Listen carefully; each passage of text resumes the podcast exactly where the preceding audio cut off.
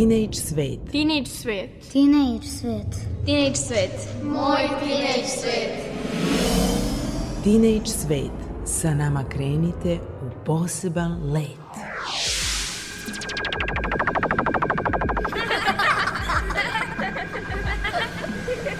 Kreativan dečji svet.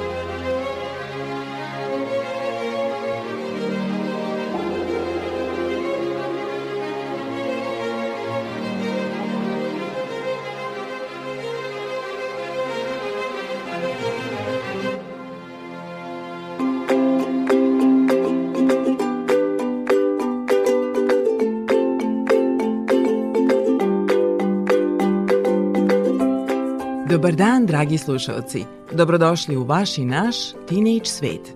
Pozdravlja vas Mirjana Petrušić u ulozi vodiča kroz naše druženje subotom. U ovoj emisiji vas, osim naših stalnih rubrika, očekuje zanimljivo druženje sa tinejdžerima koji su dobitnici nagrade Knjiga u srcu, dečeg odeljenja Gradske biblioteke u Novom Sadu. Družit ćemo se i sa gimnazijalcima iz Maj teatra, koji vredno rade i pripremaju predstavu Hamlet u pikantnom sosu. Dovoljno je razloga da ostanete na istim talasima, a naravno bit će i mnogo dobre muzike.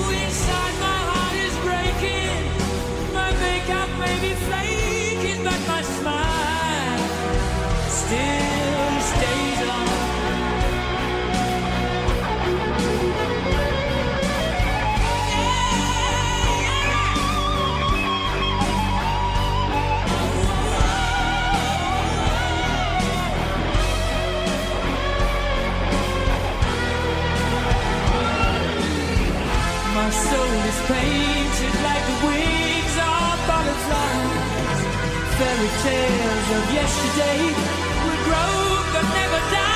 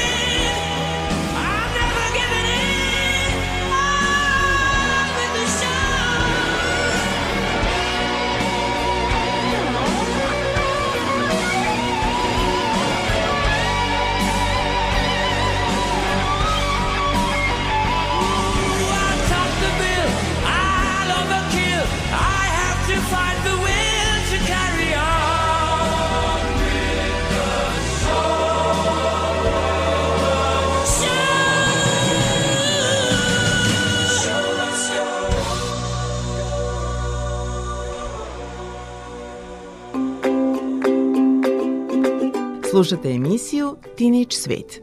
Povodom 68. rođendana Dečjeg udeljenja Gradske biblioteke u Novom Sadu organizovana je jubilarna 20. manifestacija Knjiga u srcu, koju je tako nazvao profesor dr. Jovan Ljuštanović. U digitalnom omladinskom centru Gradske biblioteke okupilo se mnogo ljubitelja lepe reči, nagrađeno je 55 dece iz Novog Sada, a među njima su bile i devojčice iz osnovne škole Žarko Zrenjanin u Novom Sadu. Kako se ti zoveš? Una Kjorski, ja sam šesti razred, osnovna škola Žarko Zrenjanin. Zbog čega ti voliš da čitaš? Zato što tada nekako uđem u neki novi svet e, u kojem sada nisam i onako to mi je mnogo zanimljivo zato što nije tako kao i ovde onako možeš da zamisliš šta god želiš, da izmisliš neke nove likove, da to napraviš u svojoj glavi tu sliku. To mi je baš Znači, zanimljivo. i tebi je knjiga u srcu. Da. A zbog čega najviše? Zato što volim da čitam, volim da idem napad, ali više volim da čitam, zato što tada, onako, kao da sam u nekom svom svetu, u toj knjizi, onako, se uživim u tu knjigu i baš me leti tada. Hvala ti puno. Ja sam Dušana Tošić. I večera si dobila nagradu Knjiga u srcu. Šta tebi znači ja, ova hvala. nagrada? Pa znači mnogo zato što uživam u čitanju knjiga i generalno volim da često čitam.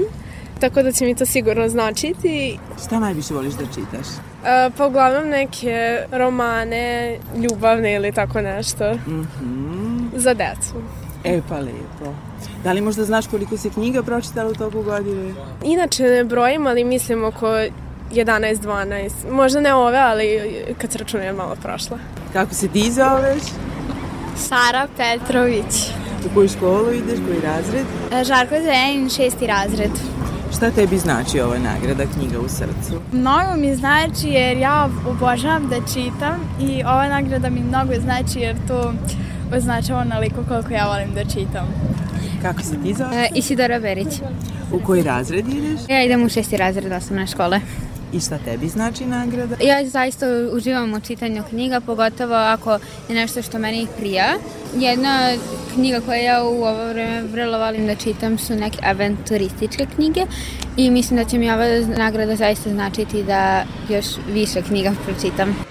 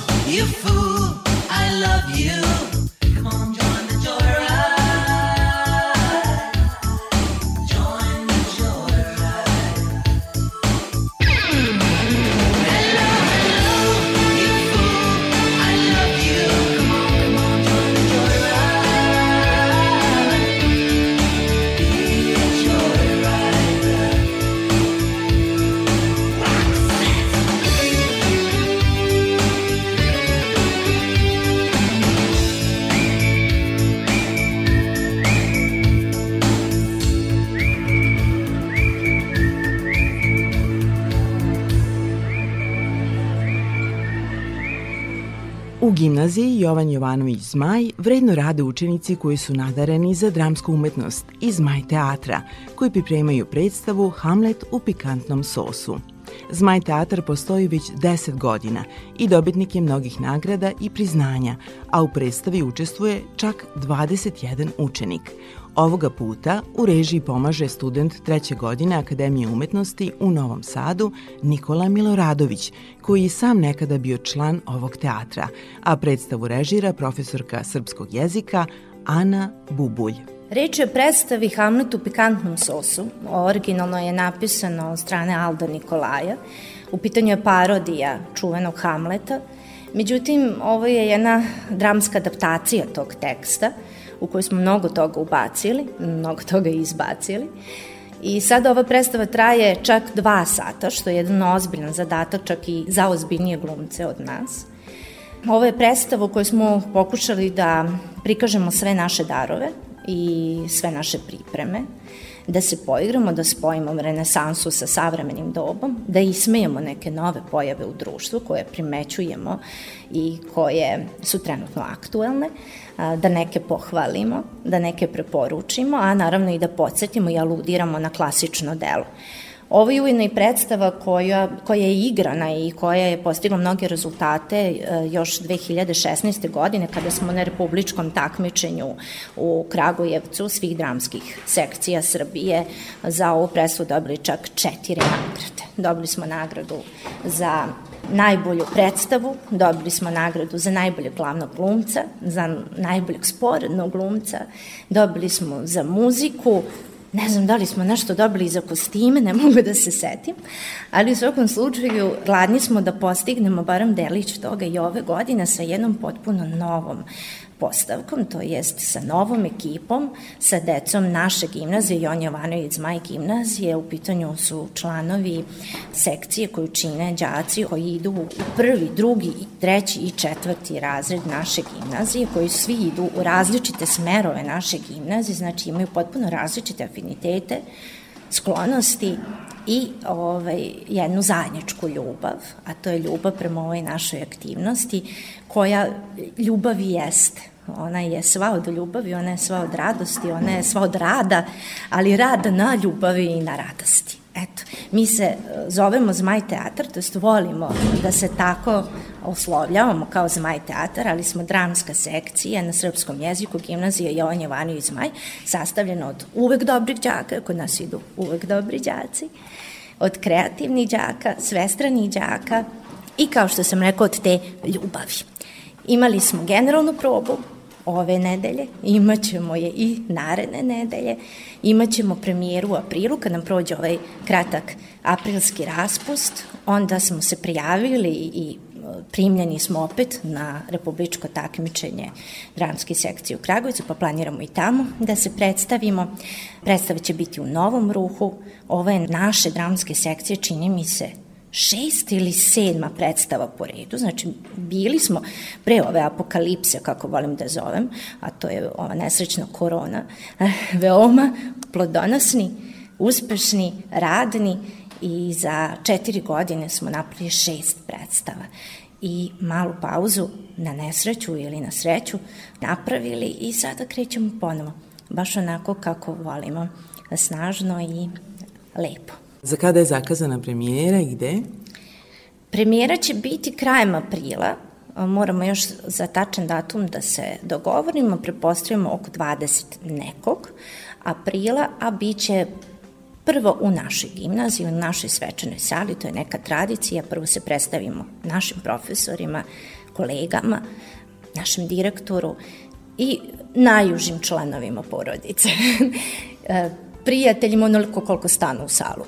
A potom igramo još jedan put za nešto širu publiku, kontaktiramo i druge gimnazije, kulturne centre, kogod želi da nas vidi, a kad nas jednom pogledaju, onda hoće ponovo da nas gledaju i zatim ćemo ići u Kragujevac. Eto, to nam je neki plan, znači prvo igranje krajem aprila, a potom, potom idemo i dalje.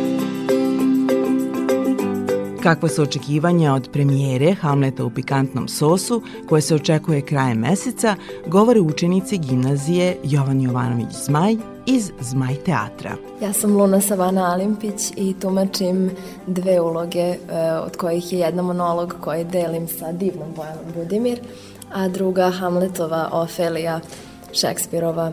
Mislim da smo, kao što se već spominjalo u više navrata, stekli taj neki osjećaj tima, kao da svi sarađujemo, što se sve više i više razvija u ovom našem malom krugu.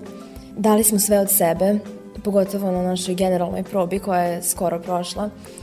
Mislim da kada razvijemo taj neki opseg i širinu, tu energiju koju stvorimo na sceni, mislim da je to nešto neprocenljivo. I u suštini ono što nas spaja jeste ta ljubav i to što stvorimo tamo kada nastupamo bilo gde hm, u ovoj maloj prostoriji gde vežbamo, a kamoli šta će se desiti pred publikom kada se svi nekako, kada se sve slegne, kada sve dođe na svoje. Tako da zaista imam velika očekivanja, mislim da nećemo uopšte razočarati, mislim da ćemo dati svi sve od sebe i možemo samo da se nadamo najboljem. Ja sam Lena Fejsa, idem u ovu gimnaziju Jovan Jovanović Zmaj. Uh, mnogo, mnogo mi je drago što uh, sam u svemu ovome, u ovom, mnogo me to ispunjava i usrećuje, ja mnogo volim da glumim uh, i uživam iz dana u dan i kako se sve približavamo kraju, sve nekako dobija svoj neki konačni oblik. Ja igram jednu od uh, glavnih uloga u ovoj predstavi, kuvaricu jednu, zapravo je i cijela predstava nekako prati taj naš život u toj kuhinji i sve što se tu izdešava i što nas prati, sve komične situacije i sve što nas može strefiti, strefi nas u toj kuhinji, tako da imamo mnogo interesantnih i zanimljivih momenta.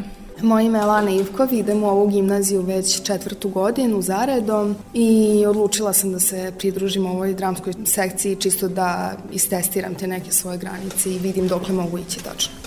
Dobila sam ulogu kraljice, Njome sam zadovoljna, mislim da je dosta zahtevna s obzirom da zahteva dosta neku nepristrasnost prema ostalima i takođe zahteva određenu dozu hladnoće, mada trudim se da se podignu na nivo izazova. I to je to što mogu reći u ulozi. Zovem se David Bugarski, u ovoj predstavi glumim glavnu ulogu, to jest glumim glavnog kuvara. Sa mnom su u kuhinji moja žena Kati i čerka Inge i mi o, smo svaki dan pod tim stresom da moramo da spremamo za sve, a aljkavi smo, neuredni smo, ne snalazimo se i tako dalje. Tu je takođe i Brek, koji je tu neki naš pomoćnik, ali on uživa u tome da nam nanosi bol, mali sadista. Ovo, takođe kao neka dvorska luda i sad sem te naše kao kuhinske postavke u kojoj još spade još jedan lik Grunter koji je lenji crnogorac i sve vreme spava u ćošku. Imamo i e, likove iz e, originalnog dela i sad svi su malo promenjeni na neki način, ali ja bih rekao da mi je Hamlet najzanimljiviji. I smešteno u kontekst sadašnjice.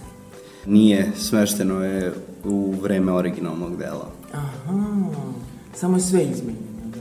Pa da, mislim, ovo je priča iz kuhinje. Mm -hmm.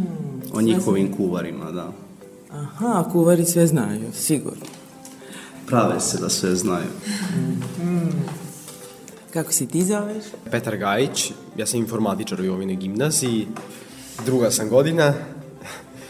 Dramsku sekciju video sam obaveštenje stiglo preko maila, to me zanimalo, otišao sam, video i svidjelo mi se, i evo i dalje sam ostao. Ja glumim tog kuvarskog pomoćnika, koga je spomenuo Breka. Na ovoj generalnoj probi koju smo imali juče, najzanimljivije mi je bilo to što nisam imao neka pretarana očekivanja, ali sam video da publika se ipak nasmejala u određenim trenucima i bilo je osoba koje su non stop pratili. Tako da mislim da imamo potencijala i to mi se dopada, mada smo imali puno grešaka naravno i čitave dijelove scene smo izostavili i bilo je momenata. ali sve u svemu dobro će biti i mislim da ćemo uspeti. Ja sam Maša Konjević, idem u ovu gimnaziju, odeljenje biologija i hemija i takođe ovaj, učestvujem u ovoj sekciji od septembra. U našoj predstavi koja se zove Hamlet u pikantnom sosu, glumim ulogu u jednom monologu gde je predstavljeno zapravo uh, ismevanje, da kažemo, fashion blogera, odnosno onoga što je sada veoma često u današnjici. Kao što smo rekli, ova uh, predstava je smeštena u taj period originalnog dela, ali smo mi ubacili par tih, da kažemo, monologa u kojima do duše glume dve osobe, ovaj, ali napravili smo tako kako bismo napravili pauzu za glavnu postavu i kako bismo zapravo ismejali i današnjicu, ali u kontekstu, odnosno vezano je sa, za hranu. Svaki od monologa je zapravo jedan recept prikazan kroz uh, uloge, odnosno kroz uh, ismevanje tih nekih, na primjer imamo sponzorošu, imamo fashion blogerku, imamo navijača i u svakom od uh, tih monologa ismevamo neke njihove osobine dok oni zapravo prave neku hranu.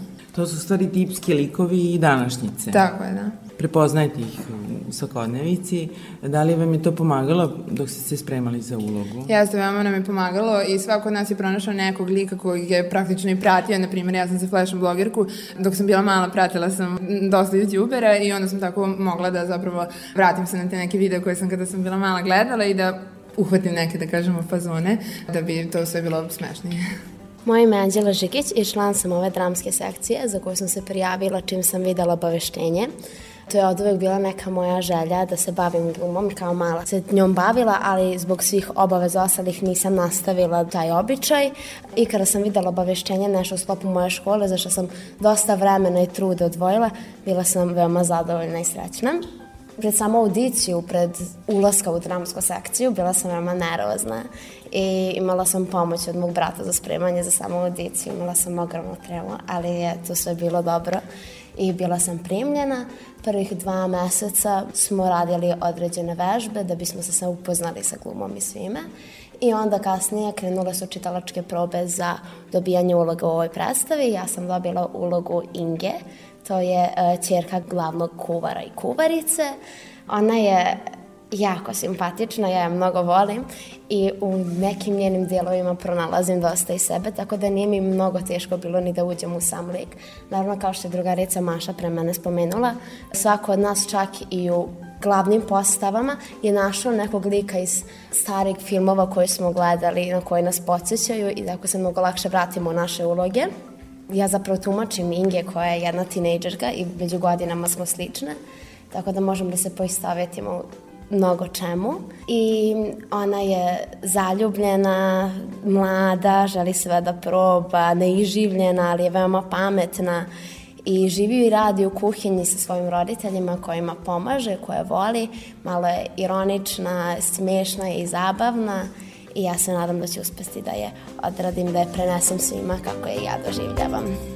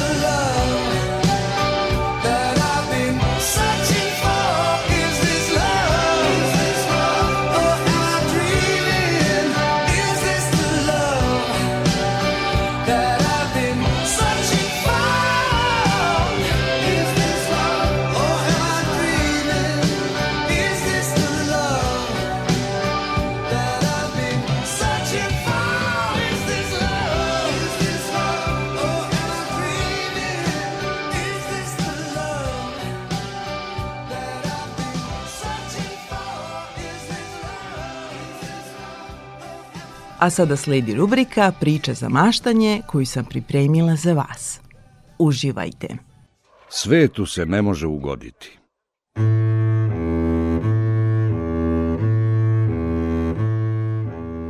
Jedan čovek, idući iz grada kući, jahao je na magarcu, a njegov sin, momčić od deseta godina, išao je pored njega pešice.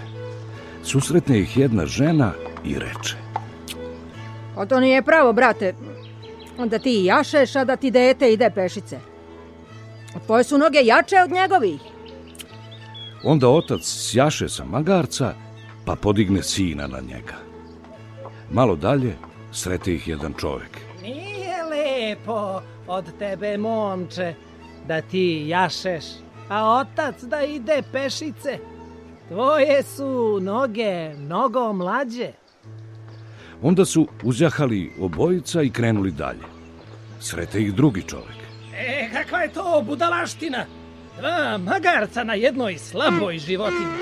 Trebalo bi neko da uzme batinu, pa da vas obojicu skine dole. Onda otac i sin siđoše sa životinje, pa krenuše pešice.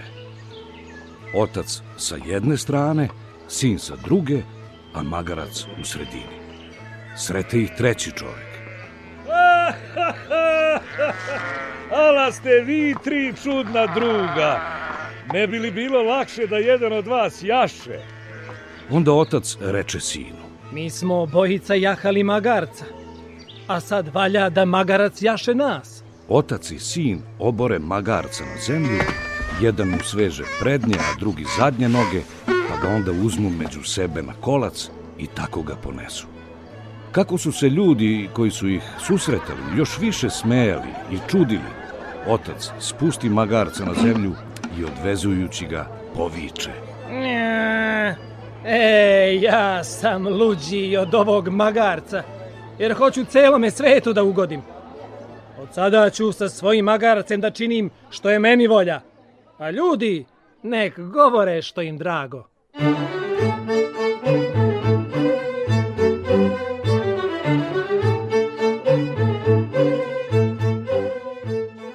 Onda otac uzjaše magarca, a sin pešice pored njega.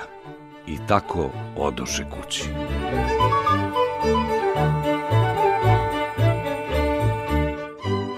Slušali ste narodnu priču Vojvodine. Svetu se ne može ugoditi. Ulogi su tumačili Miodrag Petrović, Gordana Đurđević-Dimić i Slobodan Ninković. Urednica Mirjana Petrušić. Muzički urednik Predrag Jovanović. Ton majstor Milan Guzijan. Reditelj Srđan Arsenijević.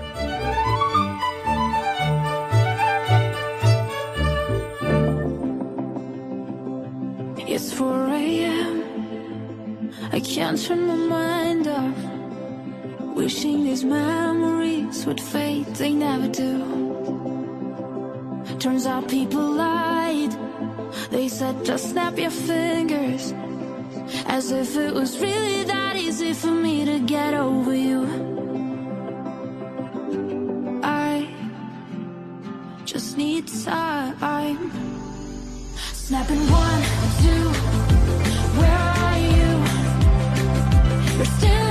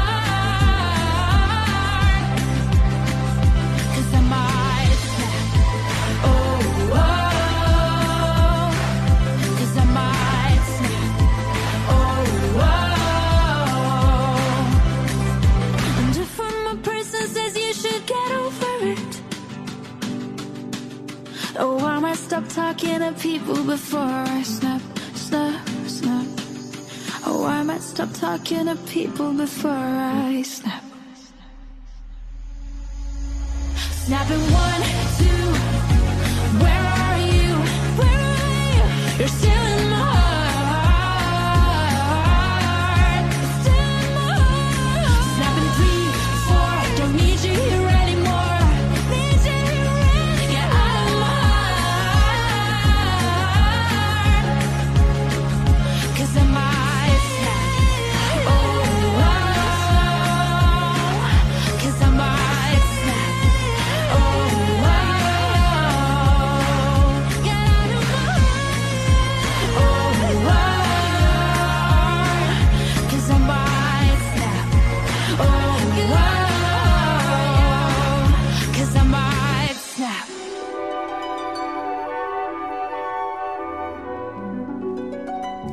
toku je izložba likovnih radova dece i omladine u organizaciji Društva za pomoć osobama sa autizmom, grada Novog Sada i Novosadskog dečje kulturnog centra. Izložba Boje duše pretežno je veselo kolorita i obuhvata 22 rada na platnu koje su stvarala deca i mladi, predvođen je likovnim pedagogom Majem Stojanović sa kojom sam razgovarala. Kako su iskustva u radu sa decom? Već 13 godina realizujemo likovnu i slikarsku radionicu, tako da imamo decu koja su starijeg uzrasta, isto tako i decu koja su mlađa, pa nam je raspon od 9 godina do 23 godina koji vole da dolaze na likovne radionice. Svi oni lepo sarađuju, slikaju, rade, a, druže se, a, to je jedan vid radne terapije, opet s druge strane jedan vid uživanja, oni rade na slikarskim platnima, rade akrilnim bojama, slikaju motive koje njih interesuju uglavnom, a to su motivi iz njihove bliže okoline. A, naravno napreduju u samostalnom istraživanju, njihov rukopis je identičan za svakog od njih i kao rezultat toga pravimo izložbu sada. Vidim da su veoma nadareni, da su motivi različiti, ima tu i životinja i tog morskog sveta i svega. Da li su sami birali temu? Uglavnom biraju sami temu. Do duše imamo decu koja dolaze baš dugo, pa je onda možda neka tema previše istrpno urađena ili više radova urađeno na istu temu, tako da mi im uvek damo predlog, to jest ja i moj kolega Miloš Gavrilović koji radi sa mnom, damo im ideju za nešto novo da probaju, ali opet s druge strane trudimo se da ostanemo u okviru njihovog interesovanja, da sve ono što oni mogu da urade razumeju i da im se svidi naravno. Da li su ove izložbe prilika eto, i za druženje, za razmjenu iskustava? Jesu, a, pogotovo za roditelje, zato što su radionice nekako grupne, četvoro, najviše petoro dece dolazi na radionice, a za to vreme roditelji mogu da budu zajedno, da razmenjuju svoje iskustva, da pomognu jedni drugima, a opet s druge strane isto deca da se druži, a da čekaju da se vide na sledećoj radionici. Inače, ovo je izložba posvećena je Svetskom danu autizma. Na koji način bi pozvala decu, vršnjake, da dođu i da vidi izložbu? Veoma interesantno.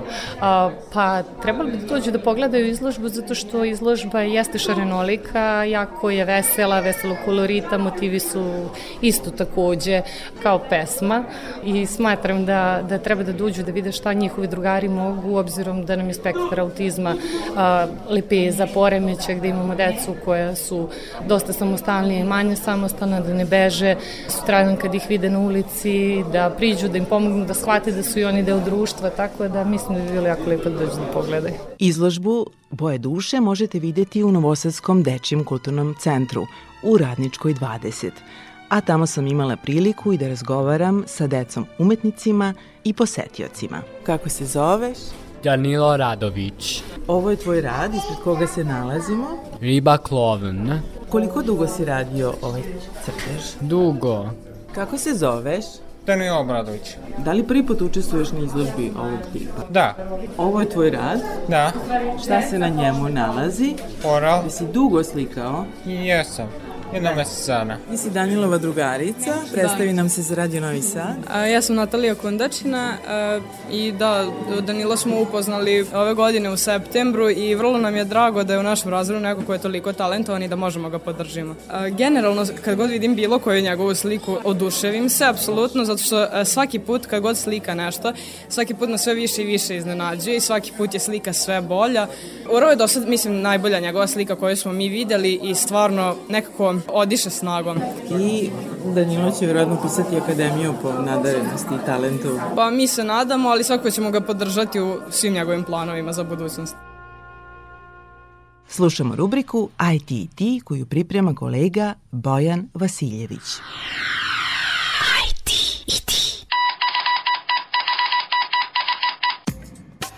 Da li je razglednica domaći izum?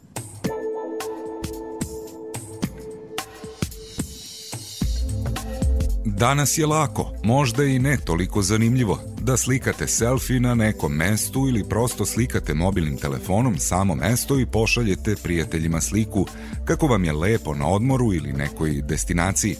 Ali kako je sve počelo? Prva prava razglednica na svetu, tvrde kartofili, štampana je na srpskom jeziku ćiriličnim pismom 1871. godine u uredništvu lista Zmaj u Beču. Štampana je na predlog geodetskog oficira Petra Manojlovića iz današnjeg Srbobrana u saradnji sa Jovanom Jovanovićem Zmajem, urednikom tadašnjeg satiričnog lista Zmaj.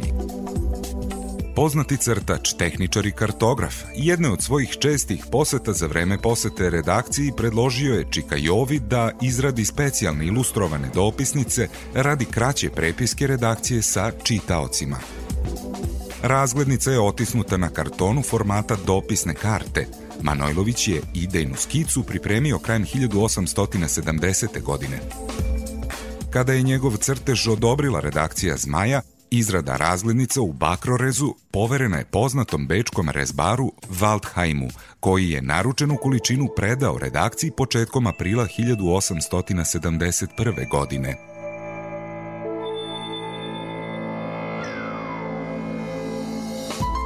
Ova prva ilustrovana dopisnica u svetu imala je sve karakteristike razglednice u današnjem smislu.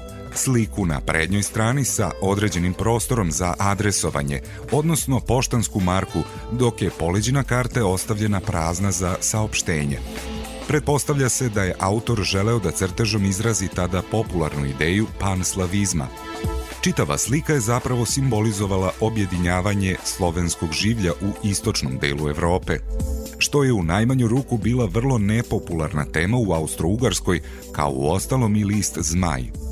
Zbog tog politički nekorektnog sadržaja, jedini sačuvani primjerak ove razglednice imao je nesvakidašnju istoriju. Poštanska karta koju je Petar Manojlović iz Beča poslao u Sombor svom stricu, somborskom advokatu Dimitriju Manojloviću 19. maja 1871. godine, tako je ušla u istoriju. Kada je Dimitrije Manojlović primio razglednicu i video motiv prostora koji je naseljavao pravoslavni slovenski živalj, nije se mnogo dvoumio šta će sa njom. Verovatno bojeći se političkih posledica, precrtao je natpis Sombor, vratio razglednicu pošiljaocu sa propratnim tekstom Ja sa zmajom nikakva posla neću da imam, ne prima se. Iz čitave serije ovih ilustrovanih dopisnica sačuvan je samo jedan primjerak koji je 1963. godine otkupio nepoznati belgijski kolekcionar, postavši tako vlasnik jednog od najvrednijih filatelističkih rariteta. Igrom slučaja pronađena je tek 1964. godine, a pošto je filatelistima bila nepoznata, iste godine je izložena na jednoj takvoj aukciji u Parizu. Sve do 1963. smatrano je da je izumitelj prve razglednice izvesni knjižar Švarc iz Oldenburga. Međutim, kada je otkrivena Manojlovićeva razglednica, trebalo je revidirati dotad važeći stav, što nije bilo lako.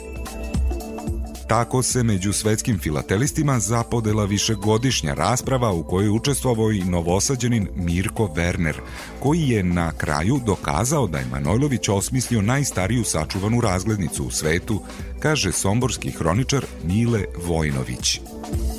Prve razglednice rađene su u tehnici litografije i bile su prava remek dela tadašnjeg štamparstva.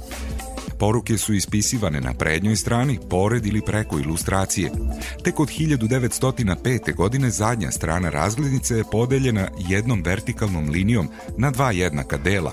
Desno od linije se ispisivala adresa primaoca i lepila poštanska marka, a levo od nje sadržaj poruke. Ovakav tip razglednice je u upotrebi i dan danas. Prvu seriju razglednica u Srbiji objavila je knjižara Velimira Valožića u Beogradu 1895. godine. Na jednima je pisalo pozdrav iz Beograda, a na drugima želi vam srećnu novu godinu knjižara Velimira Valožića. Iduće godine Velimir Valožić objavio je još jednu seriju u kojoj je, osim Beograda, bilo i 16 razglednica sa slikama gradova Srbije.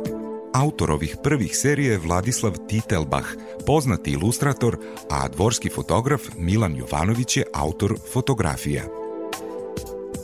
Sezona je odmora, pa eto lepe prilike da umesto dosadnih statusa na društvenim mrežama i fotki sa stopalima na pesku ili u moru, pravim prijateljima pošaljete nešto domaće, razglednicu. O svom zanimanju pravnik i tinič sećanjima govori Dragana Vuković. Ja sam Dragana Vuković, po zanimanju pravnik, radim u jednoj banci u Novom Sadu. Završila sam master studije na pravnom fakultetu, nakon čega sam upisala doktorske studije. Međutim, silom prilika još uvijek ih nisam završila. Odmah nakon master studija počela sam da radim, najprije da volontiram u sudu, a zatim sam radila u jednoj privatnoj građanskoj firmi da bi sada završila u banci. Moja, moja glavna dvojba jeste bila da li izabrati sud koja jeste državna institucija, siguran posao i sve što nosi sa državnim poslom, jel? Prava na odsustva i tako dalje i advokatura. Advokatura je dosta neizvesnija, u suštini ovaj, mnogo više moraš da se boriš za sebe, da nađeš klijente, da ih zastupaš, da vremenom stekneš takav ugled da će te uvek preporučivati i tako dalje. A kako si se odlučila baš za prava? Ja sam znala još u osnovnoj školi da će to biti pravni fakultet. Još me je deda u detinstvu ovaj, zvao, poistovetio se jednom advokaticom kada, koja je tada bila baš onako popularna i ugledna. Tako da sam otprilike uz dedu ja i počela da razmišljam o tome i nisam imala nikakvih dilema prilikom upisa na fakultet. Koje su lepše, a koje lošije strane tog posla? Ja iskreno nisam naišla ni na lošu stranu svoga posla, u stvari nisam je iskusila, tako da kažem. Na sva tri mesta, da, predavala sam i na dva fakulteta, neke predmete, pravne predmete. Uglavnom, ovaj, sam se bavila radnim i privrednim pravom. Nisam naišla ni na jedno loše iskustvo, niti sam upoznala neku lošu stranu svoga posla srećom. Meni je, otkako sam se zaposlala, nekako ovaj posao baš lep, prija mi, nekako sam se pronašla, tera me da se stalno usavršavam, da učim nove stvari, pošto je pravo živo, jeli, donošenjem svakog novog zakona, pravnik mora da ga pročita, mora da vidi šta se tu izmenilo u propisima kako bi to isto mogao i da primeni. Nije statičan posao, iako mnogi baš tako i opisuju kao suvoparan, statičan i tako dalje naš posao. Da li pravda uvek pobeđuje? Ili ne? Pa sad, za, mislim, pravda uvek bi trebala da pobedi. E Sad, da li je to stvarno tako u državi ili ne, mislim... Borimo se za to. Borimo se za to, verujemo slepo u to, da.